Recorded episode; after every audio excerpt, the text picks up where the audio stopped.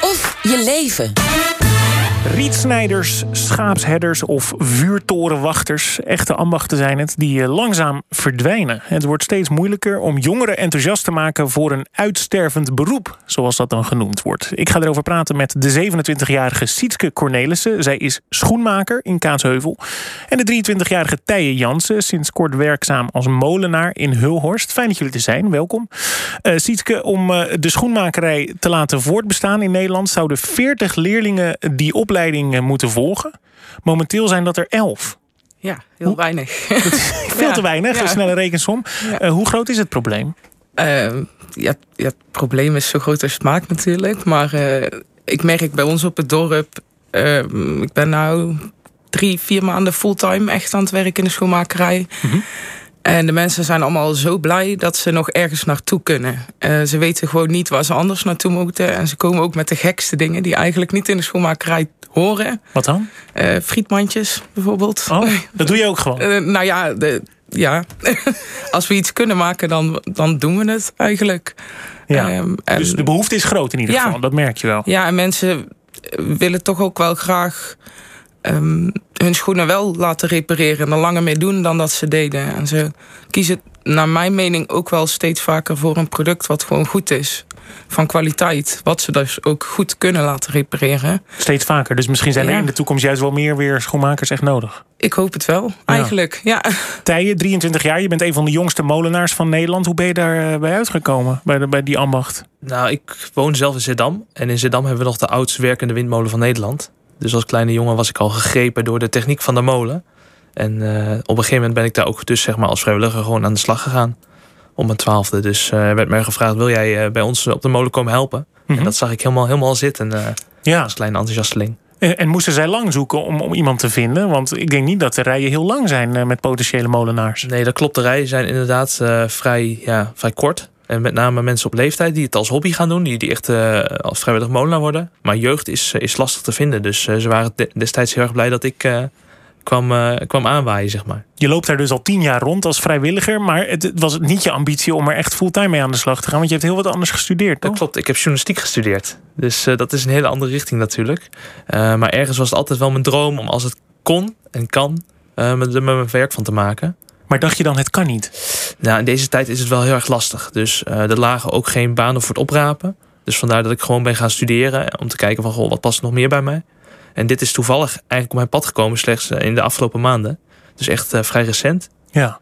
En doe je ook nog iets met journalistiek of behalve deze uitzending eigenlijk niks? Op dit moment niet heel veel. Ik schrijf ook voor een molentijdschrift, dus ook weer iets met molens. Dus daar ben ik redacteur, zit ik in de redactie, maar dat is puur hobbymatig. Ja. En verder uh, nog niet heel veel alle, alle focus op de molen nu? Want je bent nu ook net begonnen daar. Hè? En Klopt. volgende week breid je weer uit? Klopt, ja. Vanaf volgende week ga ik 32 uur in de week daar, daar werken, zeg maar. Vier dagen. Ja. ja. En Sietske, jouw carrière begon na uh, een oproep van een wanhopige schoenmaker. Die, uh, die ging ermee stoppen. En die dacht, niemand wil mij opvolgen. Maar daar was jij. Ja, ja. Nou, ik was al wel um, soort van schoenmaker. Alleen geen uh, schoenreparateur. Ik heb uh, eerst de opleiding ambachtelijk schoenmaken en ledenwagen gedaan. Dus schoenen en tassen maken vanaf het begin af aan. Daarna ben ik eigenlijk de orthopedie ingerold. En um, ja, toen was daar het filmpje van uh, Jan de Schoenmaker bij Omroep Brabant. Dat hij geen opvolger kon vinden. En dat werd mij meerdere malen onder mijn neus geschoven van ga eens praten. Vond ik heel spannend, heel eng, heel moeilijk. maar uiteindelijk toch gaan en ik ben niet meer weggegaan.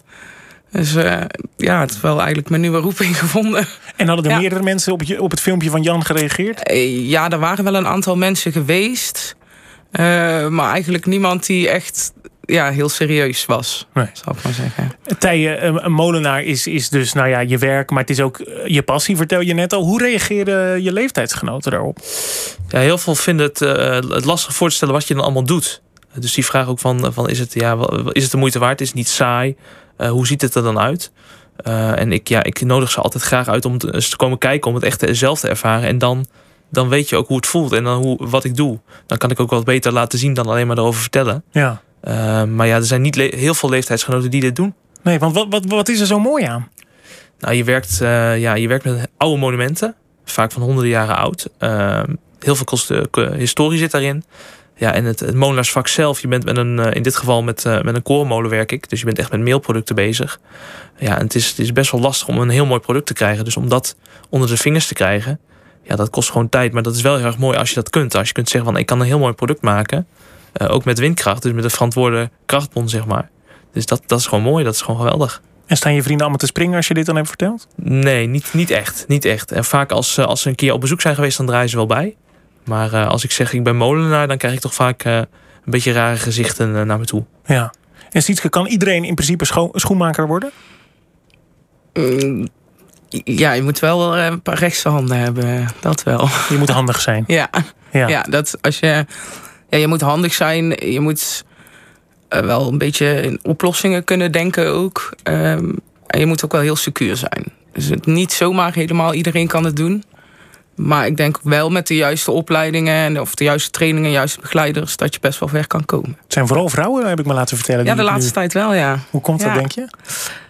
Um, ik denk dat, dat het toch misschien ook wel heel creatief is. En ja, waarom ook niet eigenlijk? Je hoeft er niet per se heel sterk voor te zijn of zo. Um, ja, ik krijg ook wel heel vaak een gezicht van een vrouw, uh, snappen we even niet.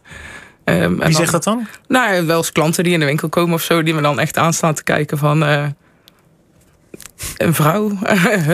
oh, en hoe reageer je dan? Uh, ja, gewoon heel rustig eigenlijk. Van ja, ja, als zoiets zou kunnen, waarom ik niet dan? Ja. Maar is dat vervelend? heb ik wel als vervelend ervaren. Ja.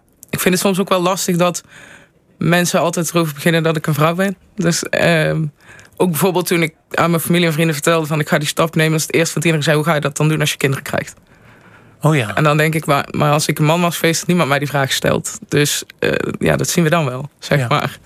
Um, en ja, vroeger toen ik op de fabriek ging werken, toen ik uh, 18 jaar was of zo, toen stonden ze me ook allemaal aan te gapen van wat kom jij hier doen? Uh, we hebben hier geen vrouw werken en en ja, ik had dan zoiets van, weet jij kan, kan ik ook. Dus ik zal het wel even laten zien. En dan was het vaak ook snel goed. Ja, want je kon het gewoon. Ja, tuurlijk. Ja. Uh, dus, dus je bent het wel gewend inmiddels, die reacties. Ja. ja. Hoeveel schoonmakers zijn er momenteel in Nederland? Ik durf jou geen exacte cijfers te geven. Nee. Maar het loopt hard achteruit. Maar het zijn er weinig, ja. Ja, er zijn er steeds. Uh, er is ook een uh, schoenmakersforum uh, vakgroep op Facebook. En daar komt hij wekelijks voorbij. Van ik stop ermee, ik verkoop mijn spullen, geen opvolger. Um, dus ik, het, het, gaat wel echt hard achteruit met de schoonmakers. En waarom denk je dat, dat jongeren anno nu het niet zien zitten? Uh, ik weet niet of ze het niet zien zitten... of dat ze gewoon nooit zien of horen dat het tot de mogelijkheden behoort. Uh, ik ben er ook maar via, via, via eigenlijk in, in beland. En ja, mijn hart in verloren, zal ik het zo zeggen. Um, maar ja, als mijn tekendocent mij nooit naar de open dag van die school had gestuurd, had ik het ook nooit leren kennen. Je moet er maar net even mee in aanraking komen. Ja, ja. en in de omgeving waar ik nu woon, de vader van mijn vriend is schoenmaker. In die omgeving was het heel. Ja, daar waren ze vroeger allemaal schoenmaker. Maar in de omgeving waar ik vandaan kom, ik kende niemand die schoenmaker was. Nee. Dus dan, ja. Het lastige met, met molenaar zijn is dat het misschien niet eens. Het is niet meer nodig. We hebben fabrieken waar het ook gewoon eh, in kan. Het is een mooie ambacht. Oh, ik zie een beetje aankijken van wat zeg je nu, Joran? Ja, dat, het klopt inderdaad. Kijk, de molens zijn beroepsmatig veel minder belangrijk dan pak een beter 100, 150 jaar geleden. Uh, maar er is natuurlijk wel steeds meer ook vraag naar streekproducten. Waar we het net ook al uh, kort over hadden natuurlijk. Ja. Uh, en de, ja, dat, dat, dat, molen maakt echt een streekproduct. Vaak met lokale granen worden, worden diverse soorten meel gemalen bijvoorbeeld. dus er is ook wel gelukkig nog wel wat vraag naar. En ook op bakkerijen die geïnteresseerd zijn in molenmeel. Dus de ja. vraag blijft wel, maar niet zo groot als vroeger. En wat denk je dat er moet gebeuren om jongeren enthousiaster te maken? Ja, misschien toch betere educatie, ook gerichte educatie. Uh, echt klassen, scholen meenemen naar de molen, laten zien wat de molen doet, vooral. Uh, en daar, ja, daar, daar jongeren voor enthousiast te maken. Um, want ja, we hebben natuurlijk de cursus tot vrijwillig molenaar die ik heb gevolgd. Ja, en de stap naar professioneel molenaar is gewoon dat je veel meer over het vak leert. Dus vakinhoudelijk. Echt het ambacht. En dat, dat ga ik dus nu ook leren. Ja. Ja, en dat moet misschien iets meer onder de aandacht gebracht worden bij de jongeren. Ja, want beide zeggen jullie eigenlijk van de juiste opleiding is er wel voor. Alleen uh, mensen weten er niet vanaf. Dus dat is dan eigenlijk het probleem. Ja. Sietske, uh, frietmandjes kunnen we ook brengen dus. Vind het helemaal goed. Gebeurt dat vaak dat die Nee, zijn? nee dat, was, dat is een enkele keer. Ik maar zeggen, om een voorbeeld te noemen. Ja, Ja, ja, die bleef wel hangen bij mij. voortenten van caravans of eh, ze komen er allemaal mee. Dus eh, En jij doet het gewoon. ja, ja. Dank jullie wel beiden voor een kijkje in, eh, in, in de wereld van eh, schoenmaker Sietske Cornelissen en molenaar Tije Jansen.